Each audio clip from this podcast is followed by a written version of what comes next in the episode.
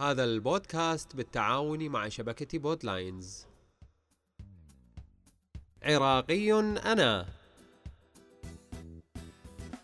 بودكاست عربي بنكهة عراقية. يعده ويقدمه لكم علي جاسم باحث وتدريسي في مجال الإعلام الجديد.